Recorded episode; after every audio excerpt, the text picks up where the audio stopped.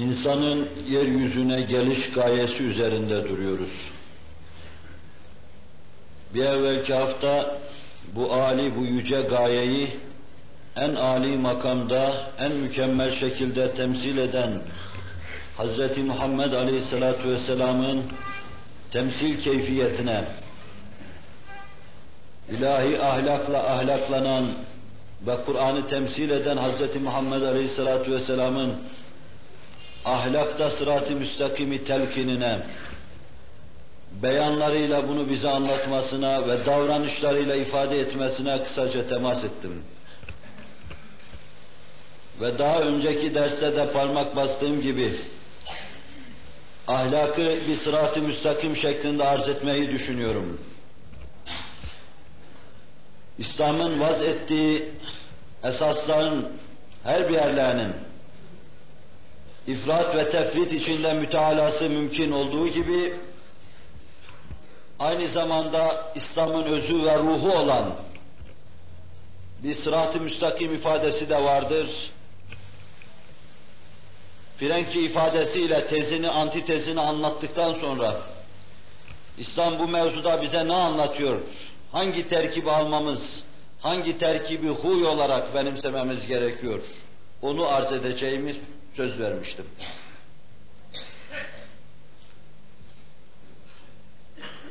Resul-i Ekrem sallallahu aleyhi ve sellem bize fıtratın gayesini öğretmek üzere geldi. Kainat niçin vardır?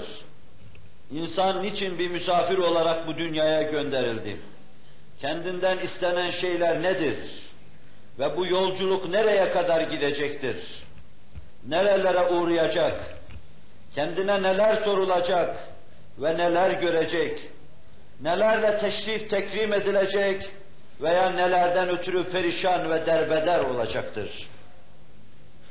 İnsan için istifam istifam üstüne bir sürü soru soluyan, soru teneffüs eden, meselelerin bütününe bir çırpıda cevap vermek, bize fıtratın gayesini, hilkatın neticesini talim etmek, öğretmek üzere geldi.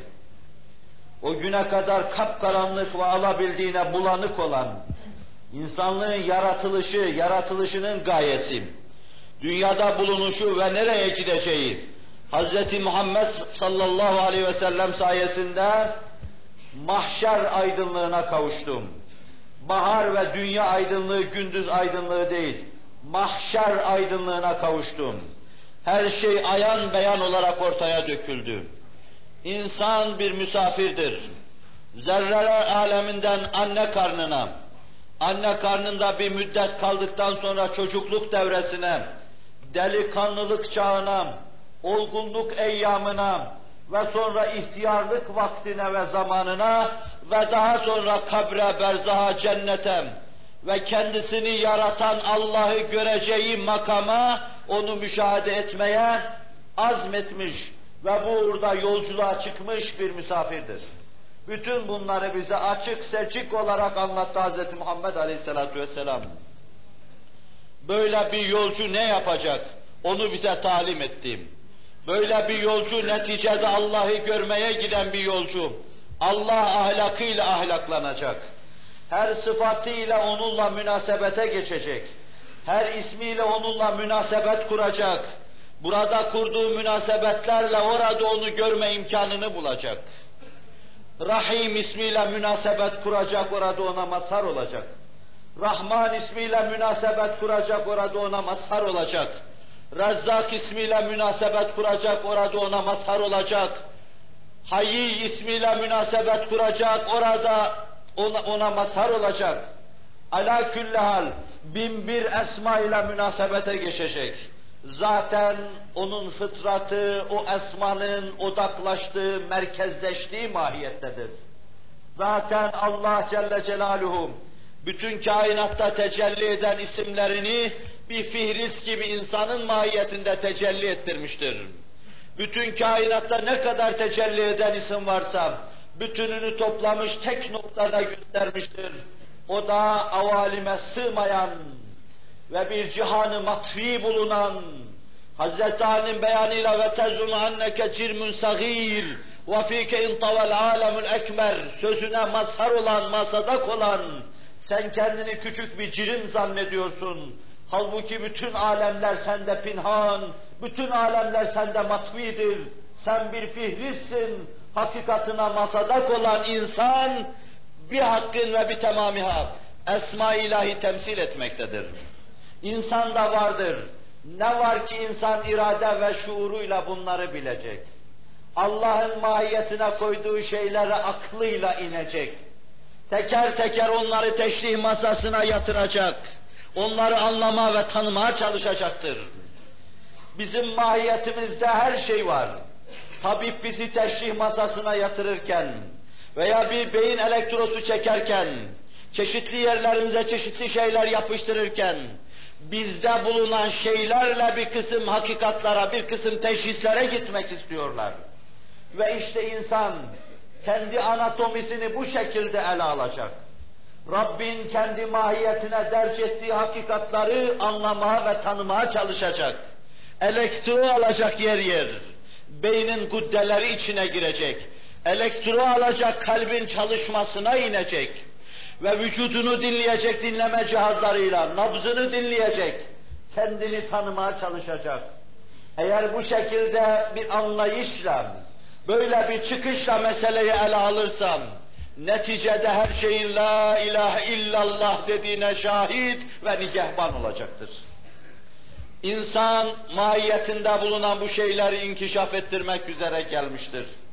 Tıpkı bir tohumu toprağa atıp, şeyimin baş çıkarmasına, neşru nema bulmasına, gelişmesine, semaya doğru dal budak atmasına, yerin dibine doğru da kök salmasına, vesile olma istikametinde bir kısım çarelere, yollara, sebeplere başvurduğumuz gibi. Aynen öyle. Mahiyetimizde bulunan mündemiç bir kısım hakikatlar var, tohum gibi.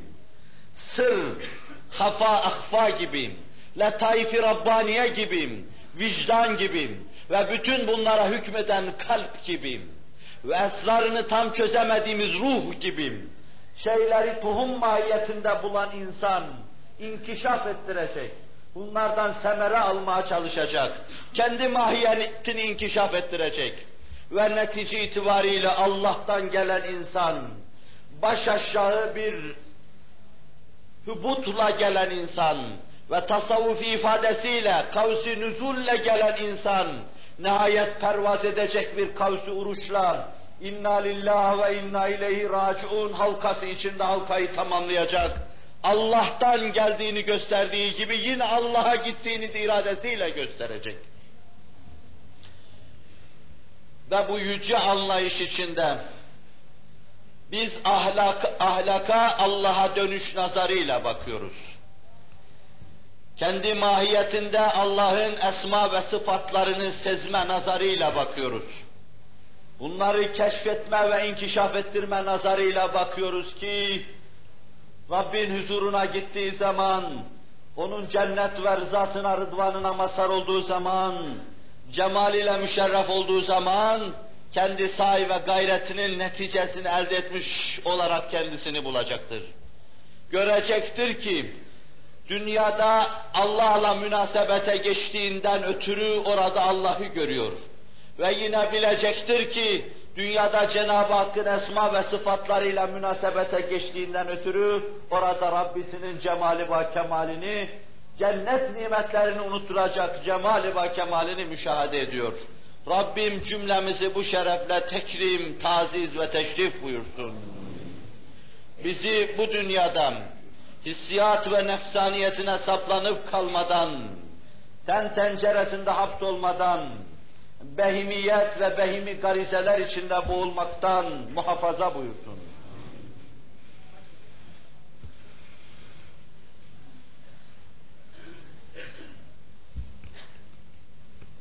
Muhterem Müslüman, mevzua, bugünkü mevzua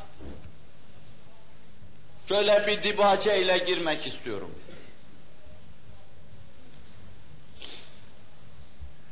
insana mevhibe-i ilahi olarak verilmiş pek çok şeyler vardır. Biz bunların bazılarını görürüz, bazılarını da sezeriz. Görgüye çok itimat eden insanlara göre görülen şeyler mühimdir. Bazılarına göre el mühim, ayak mühim, dil mühim, dudak mühim, göz mühim, kulak mühimdir. Bazıları ise bunları tamamen arkaya atmış Bergson gibi. Entüisyon demiş, esas iç sezi mühim, iç müşahede mühim. Benim kalpte bulduğum şeyler, vicdanda bulduğum şeyler vardır ki onu ne el anlatır, ne dil anlatır, ne dudak anlatır, ne göz anlatır, ne de kulak anlatır, ne de hiç kimseye münzel kitap anlatır. Kalbim benim için öyle bir kitap, öyle bir dil ve öyle bir daldır ki yerinde meyve verir. Yerinde şu ayıp kesilir bir hatip olur bana hitabette bulunur. Ve yerinde de bir kitap haline gelir. Sanki Furkan, sanki Kur'an'dır Allah'tan bahseder. Yerinde de bu mühim. Bu bizim sezemediğimiz şey. Veya sesinin ne demek olduğunu bilemediğimizden ötürü künhüne vakıf ve muttali olamadığımız bir şeydir. Allah'ın maddi manevi, zahiri ve batini bize bir kısım mevhibeleri vardır. Bu mevhibelerin verilişinin kendilerine göre gayeleri vardır. Eski ifadesiyle buna mahulika leh denirdi. Her şey ne için yaratılmıştır onu bilmek. Bu çok mühimdir. Elin kendine göre vazifeleri vardır. Bir el tutabiliyorsa talihlidir. Bir el tutma, yakalama, yapışmam ve temas ettiği zaman lezzet almam. Temas ettiği şeyde ne olduğunu haşin veya yumuşak sezmem. Vazifelerini yapabiliyorsa bu el talihlidir. Ve bir el bu vazifeleri yapamıyorsa marizdir, hastadır, sakattır. Ve böyle bir el muzdariptir. Göz görmek için yaratılmıştır. Rengarenk güzellikleri sezmek için, çocuklarının pak simalarını müşahede etmek için, hayat arkadaşının dünyada ve ukvada kendisine refakat edecek cemaline bakmak için, göz bunun için verilmiştir. Rengarenk Allah'ın sanatlarını teftiş etmek, şu meşergahı alemden, insanın nazarına arz edilen ne kadar antika sanat varsa, bunları müşahede etmek, bunlardan zevk duymak ve vicdanında bir marifet peteği nescetmek ve orada Allah'ı bulmak, kenzen kalpte bilinen Allah'a orada ermek, öbür alemde göreceği Allah Celle Celaluhu burada münasebete geçmek suretiyle tanımak o kalpte olacak. Göz yoluyla oluyor bu da. Müşahede edecek, duyacak, tata, tadacak ve doyacak. Bin bir zevke erecek. Göz bu vazifeleri yaparsa bahtiyar ve talihlidir. Göz görmüyorsa talihsizdir. Ve görmeyen göz sakattır, marizdir, hastadır. Vazifesini yapamadığından ötürü de mustariptir. Bunu siz amalara sorun, körlere sorun. Gözün ne demek olduğunu onlara sorun. Ve yanınızdan geçen bir sakat gözleri görmeyen bir Ali'nin gözlerinde gözlerinizi tanımaya çalışın. İşte onda olmayan ve bende olan iki pencerem. Güneşle münasebete geçen, çiçeklerin renklerinin diliyle konuşmaya geçen, rengarenk antika sanatları müşahede etme münasebetine geçen göz. Göz vazife yapmadığı zaman mustariptir. Ayak vazife yapmadığı zaman mustariptir. Alil bir ayak, sakat bir ayak mustariptir. Ayağım olsaydı da geçseydim, nicesinden bin ahuvah ve telehüsten sonra dinlersiniz. Ah ayağım olsaydım, olsaydı sanki ne yapacaktı, ayaklılar gibi yapacaktım. Ah ayağım olsaydı da cihad etseydim, diyen insanın iniltisinde siz ayağı tanımaya çalışınız bir sopayla gezmeye çalışan insanın ayağında ayağınızı tanımaya çalışınız. Beliniz onun da bir hakkı vardır. Kendi inhinaları içinde yerinde eğilme, yerinde doğrulma ve dik yürüme. Bir nimet olan başlı başına belinizi ve inhinalarını, kıkırdakların, fıkraların eğilmesini, bükülmesini, çeşitli pozisyonlara müsait vaziyette yaratılmasını, İki büklüm gezen insanlarda tanımaya çalışınız. Belini bükemeyen insanlarda tanımaya çalışınız. Zaten namazda, rükuda belki Cenab-ı Hak bunu bize anlatmak istiyor. Rükudan sonra kıyamda bunu bize anlatmak istiyor. Eğilip kalkmada belin bu pozisyonlara müsait olmasıyla bunu anlatmak istiyor. Ama insan ne kadar kör ki bunları anlamıyor, tanımıyor ve bilmiyor. Binaenaleyh çoğaltmayayım. Elinizden ayağınıza kadar, gözünüzden kulağınıza kadar, dilinizden dudağınıza kadar, her birisi birer nimet ve aynı zamanda birer vazife ile vazifeli bulunmaktadırlar. Dil vazife yaptığı zaman da o beşaşet içinde ve beşaret içindedir. Neşittir, sevinç içinde, huzur içindedir. Ebkem olduğu zaman mustariptir. Konuşamadığı zaman sıkıntı içindedir. Maksadını eliyle ayağıyla anlatan insanlara sorduğunuz zaman, vaziyetlerine baktığınız zaman bunu çok iyi anlayacaksınız. İşte bunlar ami tabakasına seslenen dillerdir. Göz ami tabakasına sesleniyor, okumamışa bilmemişem. Kulak ami tabakasına sesleniyor, beni bil diyor. El ami tabakasına sesleniyor, kolsuza bak beni tanı diyor. Ayak ami kör tabakaya sesleniyor, beni bil tanı diyor. Bir de senin kalbin var. Kalbinde bir hayat, bir mematı var. Kalbinde bir mahulika lehi var. Kalbinde bir yaratılış gayesi var ve kendine göre bir vazifesi var. Letaif-i Rabbaniye'nin kendine göre neşateti var, sevinci var, huzuru var ve aynı zamanda ıstırabı var. Allah onun sevinç ve huzurunu anlatırken Ela bi zikrillahi tadmainnul kulub. Dikkat ediniz kalp, yeme ve içmeden cismin itminana kavuşup oturaklaştığı gibi, huzura ulaştığı gibi kalp, Allah'ı anmakla meşbu olursa oturaklaşır ve huzura kavuşur diyor. Binaenaleyh, hikmet, ilim kalbi huzura kavuşturur. Marifet kalbi huzura kavuşturur. Hikmet kalbi huzura kavuşturur.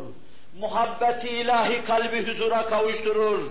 Ve muhabbeti ilahiden bir zevki ruhani hissetmem.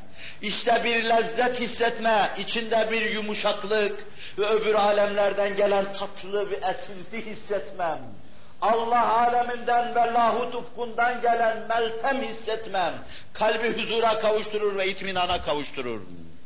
Nasıl gözsüzlük bir felaket, nasıl elsizlik, ayaksızlık bir felaket, öyle de kalbin Allah'la münasebetsizliği öyle korkunç bir felakettir ki, İnsanın eli, ayağı, gözü, kulağı beraber bulunmasa, insan bu denli korkunç bir felakete maruz kalmış olmaz.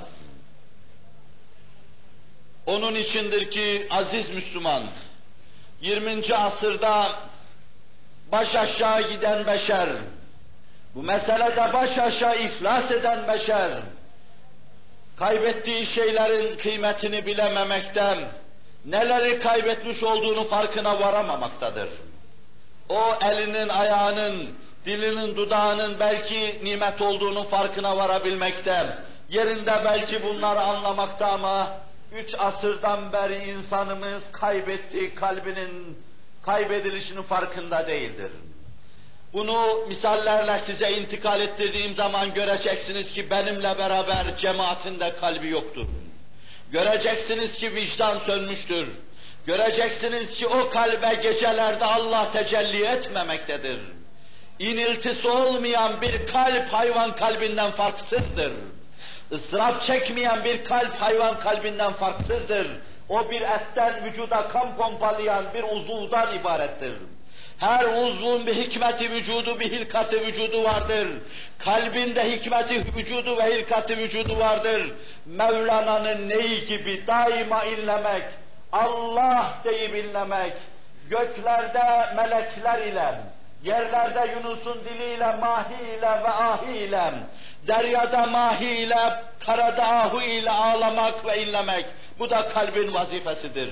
Bir kalbi bu işlerden tadil ettiğiniz zaman, siz kendinizi kalpsizliğe mahkum etmiş olacaksınız. Ve insanımız kendisini böyle bir şeye mahkum etmiştir. Materyalizm düşüncesi insanımızı yutmuştur. Onu sadece gözüyle gördüğü şeylere, onların içine hapsetmiş bütün mütalalarını onlara inhisar ettirmiş ve onu sadece gözüyle gören ve kulağıyla duyan ve fakat kalbiyle vicdanıyla hiçbir şey hissetmeyen, bir sırrının mevcudiyetinden habersiz yaşayan, kafasının mevcudiyetinden habersiz yaşayan, ledünniyatından habersiz yaşayan ve kalbine daima tecelli eden misafir olarak gelen, Allah'tan habersiz yaşayan bir gafil haline getirmiştir. Mevzu kendi kıymetine uygun tahlil ederken, ağzımdan hayvan kalbi tabirleri çıktım. Rabbim hata ettimse bu mevzuda beni af buyursun. Ve eğer bir nezaketsizlik olduysa bu cemaatta kusura bakmasın. Yerinde Allah Celle Celaluhu bir kısım münasebetsiz kimselere onlar hayvan belki hayvandan da aşağıdır sözüyle ben buna dayanarak bu türlü şeylerin ifade edilebileceği kanaatine varıyorum. Yanlış hükmediyor, yanlış anlıyorsam Rabbim kusurlarımı bağışlasın ve beni muahaze etmesin. Aziz Müslüman, bu insanımızda bir kusurdur. Kusuru idrak etmek bir meziyet ve bir fazilettir. Ne acıdır ki insanımız kusurunu da müdrik değildir. Eğer kusurunu, bu mevzudaki aybını ve seyyiatını, eksikliğini bilebilseydi, müteala edebilseydi, müşahede edebilseydi, üç asırdan beri girdiği yanlış yoldan dönme mevzuunda belki kendisi için bir fikir vermiş olacaktı bu irfan. Ama insanımız yanlış bir yolda yürümekte, fakat eksiğini ve kusurunu da bilmemektedir. Ben ahlak-ı aliyeye bu girizgahtan gireceğim. Bize eksikliklerimizi, ayıplarımızı ve kusurlarımızı, ahlakta sukutlarımızı, sui ahlakımızı, hatırlatıcı umdelere muhtaç olduğumuzu bilmemiz lazım. Biz kendi kusurlarımızı bilmediğimiz müddetçe kusurdan çıkmamıza imkan olmayacaktır. Kendinde bir kalp var mı yok mu bundan habersiz yaşayan bir insan ilel ebed kalpsiz yaşayacaktır da fakat bunu bilemeyecektir. Kalbimizin olmadığını bilirsek, yer yer ondan kuşkulanırsak, benim ciddi endişem vardır. Kalbimden gerçekten Allah'a inanmış mıyım ciddi endişem vardır. Ve bunu senelerden beri sizin huzurunuzda ishar etmişimdir. Zira onu derinlemesine bilemiyorum. Kendimden, bu onun bana getirdiği her şeyden, benliğimin bana kazandırdığı her şeyden ciddi endişem, tereddüdüm ve şüphem vardır. Belki yerinde Rabbim ayan beyan, benim kendi varlığımdan benim için daha zahir olur. Fakat bununla beraber ben kalben onun yanında mıyım, değil miyim? İşte bu noktada aşamadığım ciddi tereddütlerim vardır. Ciddi tereddütlerim vardır. Rabbim memata hayattan daha ziyade memata yaklaştığım şu günlerde, yaşımın belli şu seviyesinde, gözü kapalı olarak beni hayvan gibi burnumun üstüne ölmekten halas eylesin. İrfanına ulaştırsın ve kendi bezmini aldığı kimselerden eylesin. Sizleri de öyle yapsın. Sizin için aynı şeyleri söyleyemem. Zira sizi bilemiyorum. Belki her birerleriniz gece kalkıyor inliyorsunuz. Seccadeleri gözyaşlarınıza yıkıyorsunuz. Bilemiyorum. Ben kendime gafil diyorum. Bilemiyorum belki her bir günah arkasından elli defa ellerinizi dizinize vuruyor. Ah ediyorsunuz. Bilemediğim için sizin hakkınızda hüküm veremem. Namaz kılmayan bir oğlunuz belki haftalarca size yemek yedirmiyor, imanın muktezasıdır. Belki bin defa elinizi göksünüze vuruyorsunuz, yazıklar olsun bana diyorsunuz. Bilemediğim için bunları hakkınızda hüküm veremiyorum. Ama ben sizin hakkınızda müsaade edin de üstü zannedeyim. Sizi şöyle tanıyayım. Siz alnınız daima seccadeyi öpen insansınız. Gecenin karanlıklarını ahuvahınızla aydınlatan insansınız. Ve o karanlıklarda Rabbinizin yok mu bana dua eden dediği an ben varım diye koşan insansınız. Ve gece siz herkes yatağına çekildiği zaman, dost dostuna ulaştığı zaman dostunuza ulaşıp vasıl olan insansınız. Öyle olun inşallah. O yolda kaim ve daim olun inşallah. Bana gelince benim durumum hususi bir destanlık mevzu. nifaklarını aşamayan, şikaklarını aşamayan, gerçekten Muhammedur Resulullah diyemeyen ve daima nifak içinde çarpana çalan bir insan olarak benim durumum ciddi endişe verici bir durumdur. Rabbim benim gibi kimseyi eylemesin. Bu bir kusuru hissetme ve sezmedir. Sezdim ama aşamıyorum. Rabbim sezemeyen kimselere kusurlarını ve ayıplarını sezdirsin, hissettirsin. Sezdirici faktörler, amillere muhtacız. Girizgahım bu. Bize aybımızı hatırlatacak şeylere muhtacız. Niçin senin gözün yaşsız? Ayıp değil mi sana? Allah'a inanıyorsun ve bana ölü gibi bakıyorsun. Neden bu cansızlık sende, bu kusuru hissetmem? Niçin sen ibadet-ü taattaki kusuruna hiç inlemedin? Mezar taşı mısın sen? Allah seni insan olarak yarattım. Seni kendisine muhatap edindim. Seninle hususi konuştum. Kalbini kendi kabzası içine aldım. Kendine taraf çevirdim. Sana irfanını duyurdu ve vicdanını ona doyurdum. Niçin bana öyle meyyit gibi bakıyorsun? Yoksa Allah'la münasebetin yok mu senin? Dedirtmem. İnsan kendi kusurunu bilecek. Ve bunu bana hatırlatacak faktöre muhtacım, sana da öyle. İnsan kendisine bir üstaz bulmalı. Onun umumi ahval ve durumunu müşahede edecek, kalbi derinliklerine inecek, onu kontrol edecek, evradu eskarında yanında olacak, yerinde kendine ihtarlar çekecek, bazı hakikatları hatırlatacak, birinin dizinin dibine çökecek, başta Hz. Muhammed Aleyhisselatü Vesselam'ın dizinin dibine çöktük. Ve sonra eddinu en nasiha diyen, Buhari Müslim'in beyanı içinde bize büyük bir hakikat anlatan Hz. Muhammed Aleyhisselatü Vesselam, din hayır hahlıktır sözüyle meseleyi anlatıyor. İnsan daima nasihata muhtaçtır. Birinin rahle-i tedrisi önüne oturacaksın ve orada sen muttasıl seyyiatının mürakabesini yapacaksın. İç kontrolüne mübaşeret edeceksin. Vicdanını teşrih masasına yatıracaksın.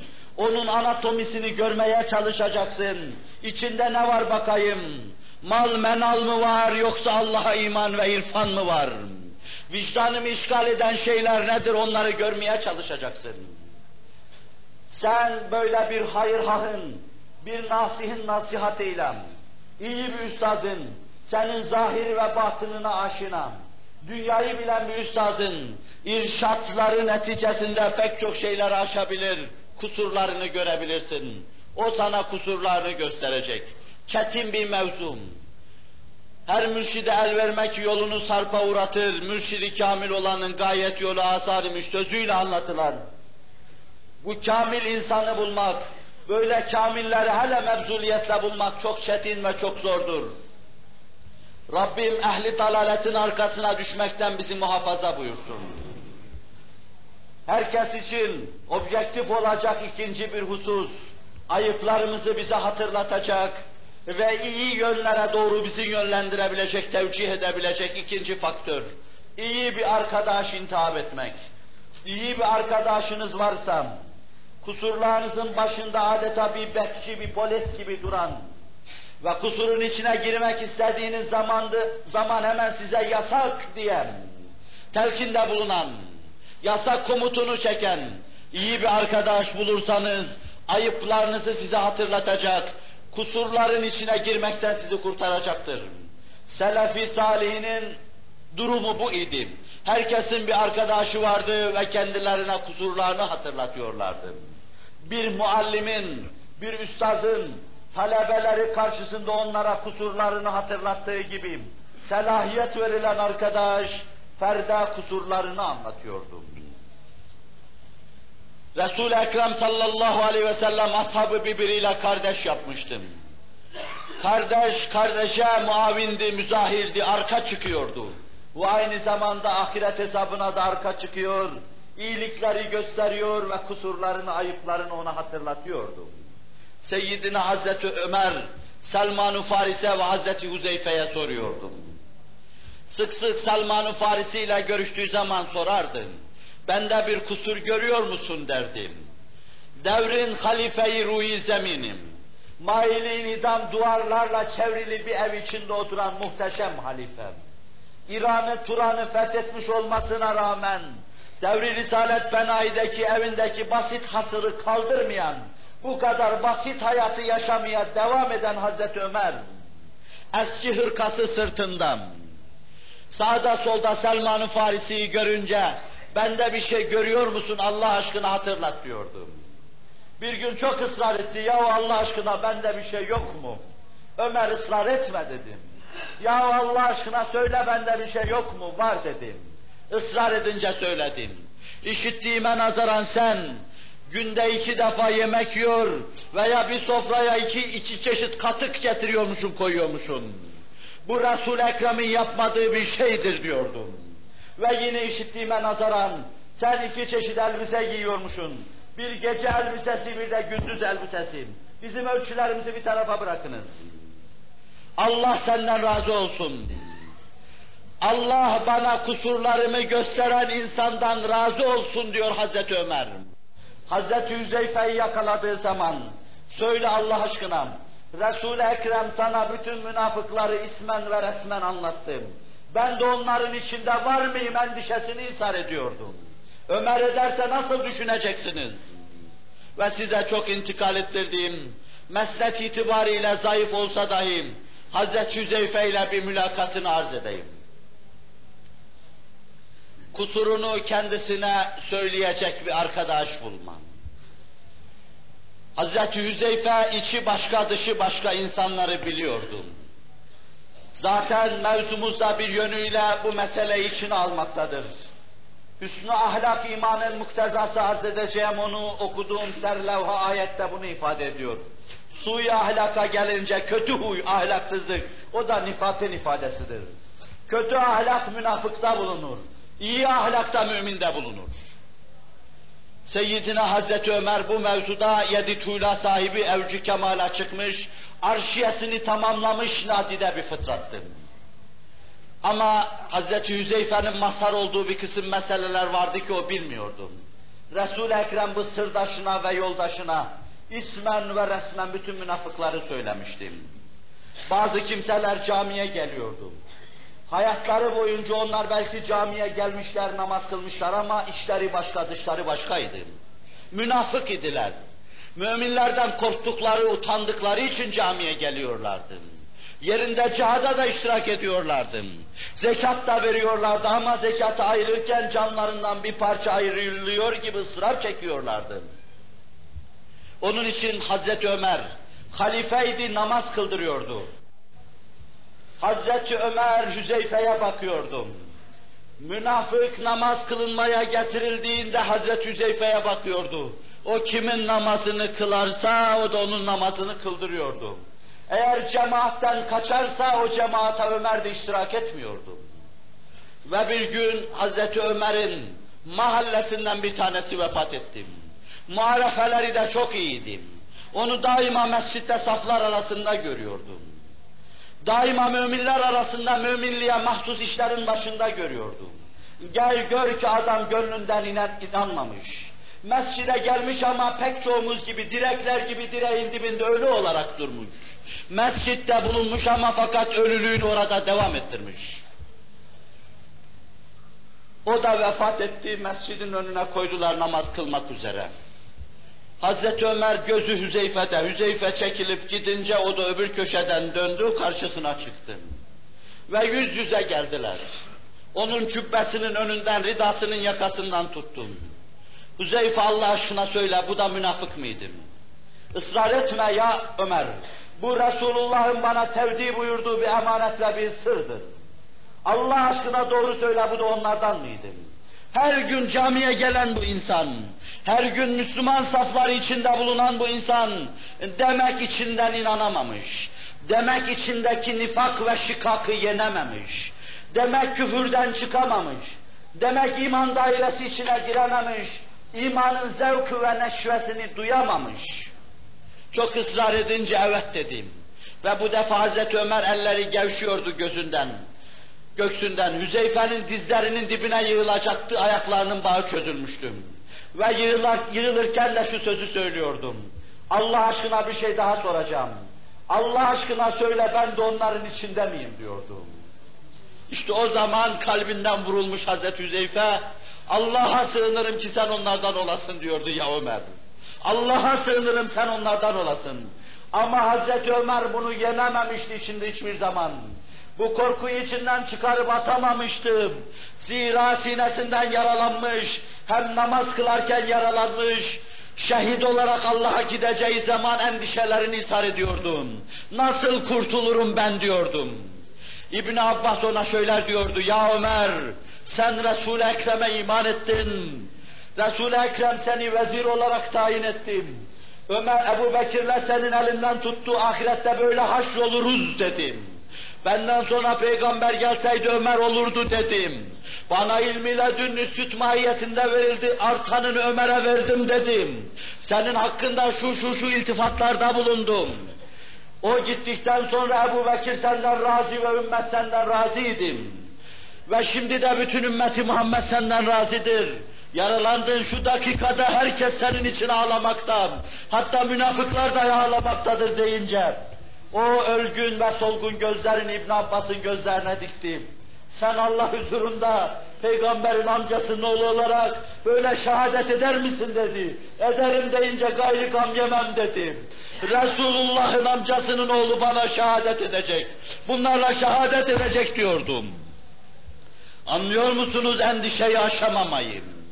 Haşa Hazreti Ömer ben münafıkım demedim. Fakat ciddi endişesi ve korkusu vardı. Ciddi telaşı vardı. İtminana ermiştim. Eğer bir tek insan cennete girecekse Rabbimin rahmetinden, engin rahmetinden ümit ederim o ben olayım diyor olmasına rağmen. Bu endişeyi içinden atamamıştım. Çok defa size tasdim mahiyetinde, başınızı artma mahiyetinde tevcih ettiğim, sen neredesin sözünü yeniden sana tevcih etmeme müsaade et. Sen neredesin? Ömer kusurlarını kendisine söyleyecek adam araştırıyor. Ve o sayede on senelik hilafet hayatında zimmi Yahudi, Hristiyan ve Müslim kimseyi darıltmadan Rabbisine mülakı olma imkanını elde ediyor. Kusurlar söyleniyor, o bu sayede ahlakı aliyeyi, güzel huyları, ahlakı haseneyi kazanıyor ve fersa fersa fena huylardan uzaklaşmış oluyor. Bu Resul-i Ekrem'den günümüze kadar selefin adetiydi. Tekrar ediyorum, bir arkadaş edinin size kusurlarınızı söylesin. Çekinmeyin, kocunmayın, size bakmasın, size kusurlarınızı hatırlatan bir arkadaşınız olsun. Kanuni önünde senden büyük Allah var mağrurlanma padişahım diyen bir adam dolaştırıyordum. Sen kendine kusurlarını hatırlatacak böyle bir yarı vefadar bul. Elinden tutup seni cennete götürecek, cennet yolunu ira ve işaret edecek bir arkadaş edin. Zarar etmeyeceksin. Sana desin ki niçin bu gece teheccüdü kılmadın? Neden pazartesi perşembe orucunu terk ettin? Rabbine kulluğun senin bu kadar mıdır, bu denli müdür desin. Kusurlarını söylesin. Nerede senin ailen? Niçin namazsız ve niyazsız hatırlasın sana. Bu selahiyeti ver ve kocunma. Harun reşit bir padişahtı. Fazl İbni Rabi anlatıyor. Ebu Naim İsfahani hilyesinde ve İbn Cevzi sıfatu safkasında naklediyor. Up uzun naklediyor ona ait vakaları. Diyor ki Kabe'yi ziyaret etmek, haç yapmak üzere Mekke'ye gelmişti. Ben de beraberinde bulunuyordum. Büyük muhaddisinden. Bir gece yanıma geldi, bana dedi ki İbni Fazıl, İbni Rabi, bana bir adam bul da bana biraz nasihat etsin. Bana biraz ders versin. Şu biçare yıkık gönlüm tamir istiyor. Bir ateş istiyor, yansın tutuştun. Ben de diyor ilk aklıma gelen Süfyan İbni Uyeyne oldum. Onun kapısına götürdüm. Emiril müminine icabet et dedim. Kapısını açtı içeriye aldım. İltifat etti emirül müminine. ve nasihat etti. Süfyan İbni Uyeyne 8 yaşında iştihat mevkiine yükselen, 5-6 günde Kur'an'ı hatmeden, nadide fıtratlardan, ısmarlama fıtratlardandır. Sabaha kadar ayakta duran ve gündüzü oruç geçen, hukuk adına kanun vaz eden, büyük hukukçulardan, Ebu Hanife'nin muasırlarındandır. Fakru zaruret içinde yaşar. Nasihatlardan sonra Harun Reşit bir ihtiyacınız var mı dedi. Fazla sayılmaz dedi. Olabilir ihtiyacım dedim. Bu defa İbn Rabi bunun ihtiyacını veya Ebu Abbas bunun ihtiyacını gör dedim. Ben ona bir kese altın verdim. O an onu alıp ya yiyecek veya başkalarına dağıtacaktım. Yanından ayrılırken arkadaşın beni ikna etmedi dedi, doyurmadı, bana bir şey anlatmadı dedim. Bari Abdurrezzak İbni Hammam'a gidelim dedim. Veya Hümam'a iki şekilde de telaffuz edilir. Ona gittik, Süfyan İbni Uyeyne'den gördüğümüz şeyleri gördük. Bu arkadaşın da beni ikna etmedi dedi, kalbimi doyurmadım. Bana hakikat eri birisini göster de bana bir ders versin. Şu perişan, gönlüm perişaniyetten kurtulmak istiyor diyor. Devrin padişahıdır. Müslümanlığın en muhteşem döneminden, peri masallarının hüküm ferma olduğu Bağdat'ta büyük saltanat sahibi. Harun Reşit diyor bunun. En mevsuk tarik, tariklerle bize intikal ediyor. O defa aklıma esen zat Fuzeyl İbni İyaz oldum. Kapısına gittik, kapıyı vurduk, vurduk, vurduk. Hiç ses vermedi, cevap vermedi. Ben dedim ki emirül müminin kapının önünde devlet reisi sizi bekliyor. Benim emirül mümininle ne alaveren var dedim. Şu gece vakti Rabbimle ibadetimden alıkoymasınlar benim. Allah'a ant verdirince geldi kapıyı açtı içeriye girdik. Ama karanlıkta mum yoktu. Yine çekildi bir tarafta oturmaya durdu. Ve biz onu aramaya durduk. Benim elimden evvel Harun'un eli ona gitmiş, yumuşak padişahın eli ayaklarına, nasırlı ayaklarına temas edince bu ne güzel eller diyordum. Huzeyl İbni Yaz. Eğer cehennemde yanmazsa bu ne güzel eller diyordum. Vazifesini yapar yerinde kullanılmış olursa bu ne güzel eller diyordu. İlk nasihatını vermeye başlamıştım. Diyordu. Harun Reşit Fuzeyl İbni İyaz'ın ayaklarına kapanarak. Harun sen sana bir şey anlatılacak durumda değilsin. Sen halife olduğun zaman kime fikir sordun? Ben nasıl yapayım diye kime gittin müracaat ettin? Kimle istişare ettin? Senin seleflerin Ömer bin Abdülaziz halife olduğu zaman arkadaşlarını çağırdı. Salim İbni Abdullah ki Hazreti Ömer'in torunuydu onu çağırdım. Muhammed İbni Kabul Kuresi'yi çağırdı tabiinin büyük imamı. Reca İbni Hayve'yi çağırdı tabiinin büyük imamı.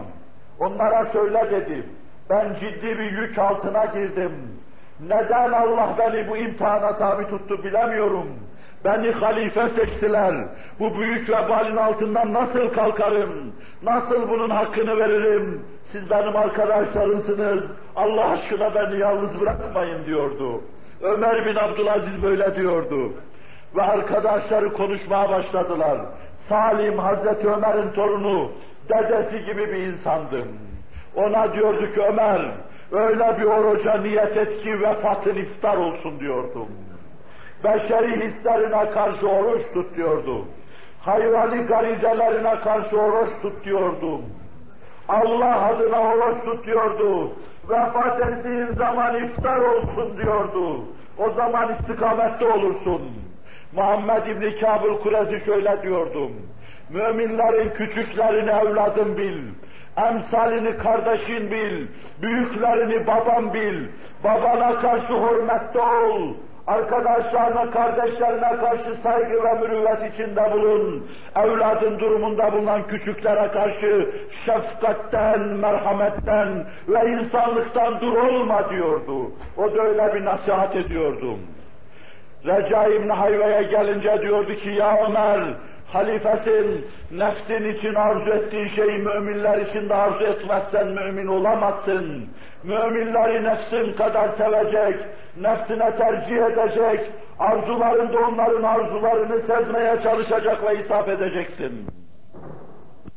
Ömer bunlardan nasihat aldı Allah aşkına sen kimden nasihat alacaksın? Sen hilafete koştun gittin. Halbuki senin deden Hazreti Abbas, Resul-i Ekrem'e geldi imaret istedim. Dedi ki ya Resulallah bana da emirlik ver. Allah Resulü buyurdu ki bu ağır bir yüktür. Ben bunu isteyene vermem. Bu vazife onundur ki o vazifeden kaçar. Vazifenin arkasından koşana vermem ben o vazifeyi diyordu. Harun sen ise dolu dizgin gözlerini kapatın hilafete koştun. Koşarken hiç Allah'tan korkmadın diyordum. O her böyle dedikçe, fezlekelerini koydukça Harun Reşit yıkılıyor, ayaklarına kapanıyor, hıçkıra hıçkıra alıyor, kalkıyor, zibni diyordum. Faz İbni Rabi diyor ki ben dedim ki Fuzayl İbni Yazam, emirül müminini öldüreceksin adamın kalbi çatlayacak. Esas siz onu öldürüyorsunuz diyordu. Pöhpöhlüyorsunuz. Allah'ı göstermiyorsunuz. Dünyayı işaret ediyor, mahvediyorsunuz. Ben onu ihya etmeye çalışıyorum. Yanından ayrılırken soruyor. Harun Reşit, Fuzeyl bir şeye ihtiyacın var mı? Çok ihtiyacım var, çok borcum var. Ama Rabbime borcum var. Ve o kadar borçluyum ki ona olan borcum başka borçlar unutturdu bana. Evde yiyecek katım falan filan olmayabilir. Ama Rabbime medyunum. Sana bir kese altın vereyim. Fesubhanallah diyor. Ben seni ahirete çağırıyorum, sen beni dünyaya çağırıyorsun. Bu ne utanmazlık böyle diyor. Kendine nasihat edecek arkadaş arıyor. Doğruyu ira edecek, elinden tutup kalbi hayatına, ruhi hayatına götürecek adam. Dışarıya çıkınca Harun Reşit kapının önünde dinliyor. Biraz sonra öbür hücreden bir kadın sesi yükseliyor. Ne olurdu Allah aşkına? Kutuna yamut bu. Bir lokma bir şey alsaydın da bir iki günden beri aç susuzuz şu evde. Ne olur Allah aşkına? Evet aç susuz olduğunuzu biliyorum. Bunlara nasihat ettiğim bir devrede beni boğazlanan bir sığır haline getirmek istiyorsunuz. Şu nasihatlarımı öldürmek istiyorsunuz. Beni mahvetmek istiyorsunuz deyince Harun Reşit kapının öbür tarafında arkadaşına adamın beni ikna etti, vicdanımı doyurdu diyordu. İşte beni getirirsen böylelerine getir diyordu. Allah'ı anlatan, bakışlarında Allah mütecelli olan, davranışlarında Allah mütecelli olan, kalbi hayatlarında Allah tecelli eden, böyle hakikat erlerine getir de nasihat etsinler diyordu. Aziz Müslüman, kendine hayır hah ara, bir nasihatçı ara. Hak dostunun dediği gibi, ne kazandın fani dünya bu cihana geleli. Bu dünyada belki senin kazandığın, kazanacağın en mühim şey, bir hak dostu kazanacaksın. Onu yarı vefadar olarak kabul edeceksin. Sana pürüzsüz, arızasız dufturu kusurlarını söyleyecek. Ve sen de diri etmeden dinleyeceksin. O sayede inşallah istikamet kazanacaksın. Hakikata ereceksin. Allahu Teala ve Tekaddes Hazretleri seni ve beni hakikata erdirsin. Bu da eğrilerimizi, eksikliklerimizi, ayıplarımızı bize gösterme mevzuunda ikinci bir faktördür. Hüsnü ahlakı ders vermede ikinci bir faktördür. Suyu ahlaktan, fena huylardan sıyrılmamıza yol açık, yol veren, imkan hazırlayan ikinci bir faktördür. Üçüncüsüne gelince bizi sevmeyen kimselerin bizim hakkımızda söylediği sözlere değer vermem. Ne diyorlar bizim için? Bu adam para yiyor mu diyorlar. O nispetle dikkat edelim. Hakkınızdaki kritikleri değerlendireceksiniz. Şu zahit görünümlü adama bakın. Sanki abid gibi görünüyor. İnsanlar yanında dururken mütevazi bir durum ishar ediyor. Halbuki hadis aslında işte böyle değil. Sözlerini değerlendirmeye çalışın. Hasımlarınızın sizin hakkınızda yaptığı tenkitler çok yerinde çok isabetlidir. O tenkitlere değer verir. Hassasiyet gösterdiğiniz noktalarda bin kat daha hassasiyetinizi artırırsanız zarar etmeyeceksiniz. Sırat-ı müstakimde yürümeyi pekiştirmiş olacaksınız. Bu sizin için bir bakıma teminat olacak ve inşallah kıldan ince kılıçtan keskin, o sıratı belki hatif gibi, çakıp kaybolan bir şimşek gibi geçme imkanını bulacaksınız. Allah sizi böyle geçmeye muvaffak eylesin. Allah ümmeti Muhammed'e merhamet eylesin. Allah ümmeti Muhammed'i mağfiret eylesin. Allah bizimle beraber ümmeti Muhammed'in günahlarını eylesin. Dördüncü faktör cemaatin içinde bulunmak. Cemaatin içinde bulunup bizim gözümüze batan ve bize hoş görünmeyen günahların biz işlediğimiz zamanda da hoş görülmeyeceğini, Allah'ın onları sevmediğini bu suretle idrak etmeye çalışalım. Dördüncü bir faktör arz ediyorum. Seyyidina Hazreti Mesih'in cihan paha, cihan değer, edebine bakan bir tanesi men eddebeke ya İsa'm.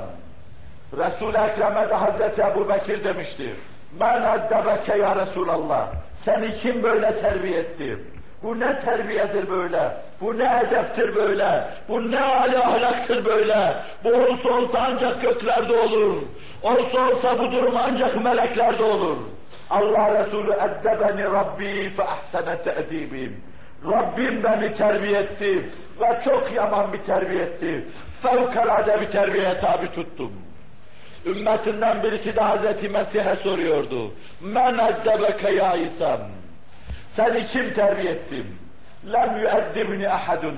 Beni kimse terbiye etmedim. Velakin dekaltu beynel nas ev beynel halk. Fereytu cehlel cahil. Cehlel cahili şinen feştenebtuhu. Ben insanların içine girdim. Mesela cahilin cehaletinin çok çirkin olduğunu gördüm.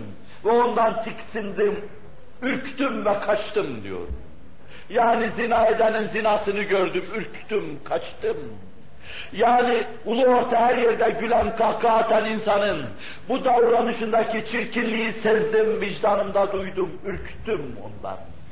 Yani ibadet-ü taattaki kusurunun yanı başından ağlaması gerekirken gülen insanın nasıl çirkin bir davranış içinde bulunduğunu sezdim, ilendim, ürktüm, uzaklaştım cemiyet içinde gördüğünüz, göreceğiniz kusurlar, eksiklikler ve ayıplar, sizden de o türlü şeylerin sadir olmasının çok ayıp ve çok göz olduğunu size ihtar edecektir. Onun için halvetten daha ziyade halk içinde bulunma, uzzet ve inzivadan daha ziyade halkla beraber yaşamam, bir yönüyle halkın içinde olma irşad etme, bir yönüyle de cemaatten menfi ve müsbet dersler alma ve böylece kendine çeki düzen verme, ehli sünnet ve cemaatin yolu ve ahlak-ı aliye İslamiye'yi kazanma faktörlerinden bir tanesi. Bir diğer hususa gelince, ahlak-ı aliyeyi biz Kur'an'ın içinde ve sünnetin içinde göreceğiz.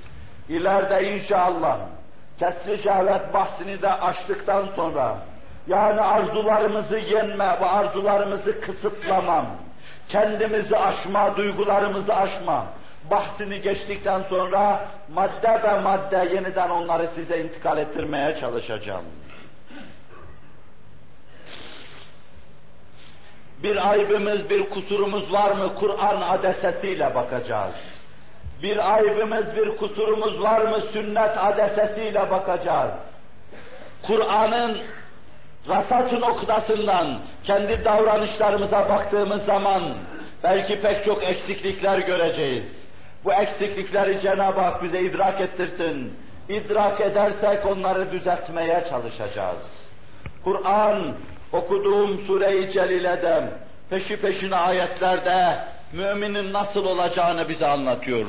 Zira biraz evvel temas ettiğim gibi hüsnü ahlak imanın gereği, suyu ahlak ve kötü huyda nifakın gereği. Nifak tarlasında fenalıklar biter. İki yüzlülük varsa, riyakarlık varsa, dual yaşama varsa, iç başka dış başka varsa, kalp ceset izdivaçsızlığı varsa şayet bir insandan şakavet olacaktır içki olacaktır, kahvede oyun olacaktır, boş yere, füzuli yere kahkaha atma olacaktır, eğlenme olacaktır, gülme olacaktır ve fakat bunların yanında hiçbir muhasebe olmayacaktır. Nifakta bunlar olacaktır ve bunu fezleke halinde arz edeceğim. İmana gelince onda ciddilik olacaktır, tedebbür olacaktır, tefekkür olacaktır, hayatı değerlendirme olacaktır. Gelinmiş olan bu dünyayı çok iyi kıymetlendirme, ekme ve mahsul almam. Bunu idrak etme olacaktır ve dünyadan cidden iyi istifade etme olacaktır. Allah iyi istifade edenlerden eylesin bizim. Hüsnü ahlak imanın gereği, kötü ahlak nifakın gereği, iç bozukluğunun gereği, sokaklardaki cinayetler, vatan ve millet bütünlüğüne kastetmeler bunlar nifakın gereğidir. İç bozuk demektir. İç bütünlüğüne ulaşamamış bu gençlik demektir. Onları ifsad edenler de ulaşamamış demektir. Bir nifak vardır ve bütün kötülükler bu nifak tarlasında neşru nema bulmaktadır. قَدْ اَفْلَحَ الْمُؤْمِنُونَ Müminler kurtuluşa erdiler katiyen. Müminler kurtuluşa erdiler. Kim? Hangi mümin? اَلَّذ۪ينَ هُمْ فِي صَلَاتِهِمْ خَاشِعُونَ Namazlarında ciddi olan müminler, haşyetli olan müminler, içi ürperti dolu olan müminler, saygılı olan müminler, Allah huzurunda dururken iki büklüm duran müminler, cennet ve cehennemi göz önünde görüyor gibi ibadet eden müminler. Muhaddisinden birisi var. Diyor ki ne zaman namaza dursam, cehennem gözümün önüne geliyor, öyle görüyorum onu orada. Temessül ediyor cehennem. Ödüm kopuyor. Ayetlere mübaşeret ederken, bir ayeti terdad ederken artık o hava içinde okuyorum. İşte bu müminler felah buldular diyor. وَالَّذ۪ينَ هُمْ عَنِ اللَّغْوِ مُعْرِضُونَ Lahviyattan, füzuli şeylerden, batıl şeylerden iştinab eden müminler felah buldular diyor. Füzuli eğlencelerden, vakti israf etmekten, kahvelerde vakit öldürmeden kaçınan müminler felah buldular diyor. Ve Kur'an-ı Kerim dikkat edin mümin derken ona bir kısım evsaf sayıyor, ahlak-ı aliye. Ahlak-ı aliyeyi imanın muktezası sayıyor. Burada kad müminun diye başlıyor. Sonra اَلَّذ۪ينَ فِي صَلَاتِهِمْ خَاشِعُونَ وَالَّذ۪ينَ هُمْ عَنِ اللّٰهُ مُورِدُونَ وَالَّذ۪ينَ هُمْ لِلزَّكَاتِ فَاِلُونَ Zekatlarına da وَالَّذ۪ينَ هُمْ لِفُرُوجِهِمْ حَافِظُونَ ırzlarını, namuslarını koruyorlar. Apış arasını muhafaza ediyorlar. Dillerini, dudaklarını, gözlerini, kulaklarını muhafaza ediyorlar. Fena duymuyor, fena görmemeye çalışıyor ve fena konuşmaktan iştinab ediyorlar. Ve böylece zinanın her çeşidinden kaçınmış oluyorlar. İmanın muktezası sayıyor. Bakın. Başka bir sure-i celilede yine hüsnü ahlak imanın muktezası sayıyor. اَتَّائِبُونَ الْعَابِدُونَ الْحَامِدُونَ السَّائِحُونَ الرَّاكِعُونَ السَّاجِدُونَ الْآمِرُونَ بِالْمَعْرُوفِ وَالنَّاهُونَ عَنِ الْمُنْكَرِ وَالْحَافِظُونَ لِحُدُودِ اللّٰهِ وَبَشِّرِ الْمُؤْمِنِينَ Bu müminlere müjdeler ver. Et-taibun tevbe eden müminler, günaha karşı ürken müminler, günahtan titreyen müminler, işlediği zaman kalbi tir tir titreyen müminler müjdeli onların. Demek ki tevbe etme mümin ahlakı. Hüsnü ahlaktır tevbe etme. El-abidun kendisini ibadete sardıran, Rabbisine kulluktan zevk alan, lezzet alan, kulluğu hayatın gayesi bilen, onları da müjdele ayetin sonunda. Es-saihun kendisini Rabbisine ibadete kaptırmış, gönlünü Rabbisine vermiş, orucunda ve namazında, kullukta çok ileriye gitmiş ciddi ubudiyet anlayışı içinde. Bunu da müjdele. Er-râkiûn es-sâcidûn sayıyor ve en sonunda ve beşşiril müminin diyor. Bir kısım evsafı saydıktan sonra bunlar müminlerdir ve bunları müjdele derken yine hüsnü ahlakın, imanın muhtezası olduğunu hatırlatıyor.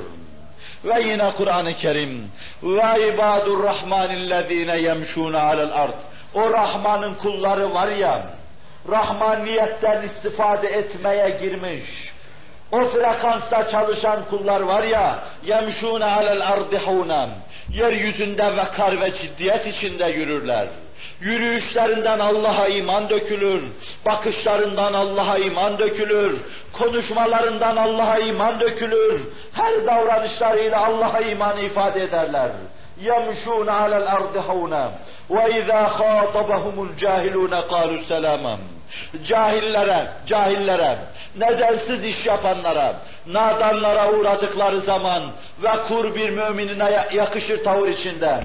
Kalu selama, selam derler. Onlara karşı davranışları da bu türlü ciddiyet içindedir.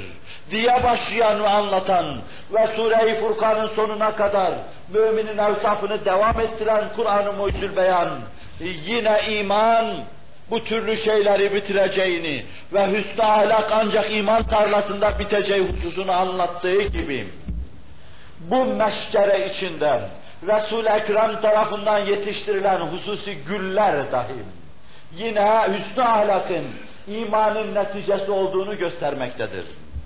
Resul-i Ekrem sallallahu aleyhi ve sellem buyuruyor. La yu'minu ahadukum hatta yuhibbe li ahihi ma yuhibbu li nefsihi. Herhangi biriniz iman etmiş olamazsınız. Nefsi için arzu ettiği şeyi kardeşi için arzu, et, arzu etmezse. Müttefakun aleyhtir Buhari Müslim rivayet ediyor. Nefsi için arzuladığı, istediği şeyi kardeşi için de arzulamazsa iman etmiş olamaz. Demek ki müminlere karşı mürüvvet ve muhabbet, Allah'a iman eden insanları sevmek hüsnü ahlaktır. Ve bu hüsnü ahlakı Resul-i Ekrem imanın muktezası sayıyor. İman etmiş olamazsınız diyor. Ve yine Resul-i Ekrem imanın muktezası sayıyor.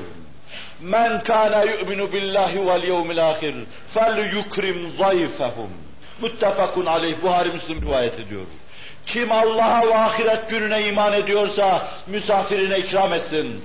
Demek ki civan mertlik, demek ki cevatlık gibi, sakalat gibi güzel sıfatlar, güzel huylar imanın muktezası oluyor. İmanı olan kimse yapacak. Allah'a ve ahirete imanı olan demek istiyor ki Resul-i Ekrem sahi olur, cömert olur, inandığı nispette malını dağıtır müminlere, Allah yolunda infak eder. Ve yine Resul-i Ekrem müttefakun aleyh hadiste ifade buyuruyor. Men kana yu'minu billahi vel yevmil ahir felyekul hayran ev liyasmut. Kim Allah'a ve ahirete iman ediyorsa, kim mümin ise ya hayır söylesin veya sussun. Ya hayır söylemek veya sükut etmek, boş lakırdı etmek suyu ahlaktır. Fena sözler söylemek suyu ahlaktır. Füzuli konuşmak suyu ahlaktır. Konuştuğu şey semere getiriyorsa bu hüsnü ahlak, ahlakın muktezasıdır. Öyleyse Resul-i Ekrem Yine hüsnü ahlak imanın muktezası sayıyor ve böylece suyu ahlak nifakın gereği olarak kalıyor. Neticeyi kelam. Mümin tefekkür ve tedebbür eden insandır. Münafık ulu orta yaşayan, duygusuz ve düşüncesiz yaşayan insandır. Mümin Allah'tan çok korkan ve rahmetini çok uman, mağfiret edileceğine inanan Allah'a çok itimat eden insandır. Münafık dünya adına telaş içinde, panik içindedir. Allah'la münasebeti yoktur. Mümin hayatını ciddi bir hesap içinde yaşayan insandır. Haşyet içindedir. Lağviyat, lehviyattan uzaktır. Münafık lağviyat ve lehviyat içinden, eğlenceler içinden, hayatını israf ve itlaf içinden, öldürmek için lazım gelen her şeyi yapmanın peşindedir. Mümin bütün hayatını cennet ve cehenneme inanma havası içinde tanzim eden insandır. Münafıkın defterinde cennet ve cehennem yoktur. İki yüzlünün defterinde cennet ve cehennem yoktur. Mümin insanlığa karşı saygı dolan insandır. Dolup taşan insandır. Değil bir insanın canına kıymak. Onun bir saçını kopardığı zaman dahi Allah'a hesap vereceğine inanan insandır. İçi bozuk nifak şebe şebekesi ise insanları hayvanlar gibi katleden kimselerdir. Ve o nifakın muktezası, mertlik, civan mertlik, hakperestlik, kılı kırk yarma, ölümü tel, tehlike saymamam ve severek ona doğru gitme. Fakat bu nifak şebekesine hakkayet tanımama. Bu da imanın muktezasıdır. Rabbimden niyaz ediyorum. Parlamenterlerimizi bu imanla birer abide haline getirsin, kalplerini donatsın. Hukuk tevziinde bulunan, adaleti temsil eden, mahakim aliyeyi adaletle payidar eylesin. Bu nifak şebekesi karşısından Onlara irade ve zireklik versin, mukavemet bahşeylesin, bu nifak şebekesini az, ezmekle onları serfiraz eylesin.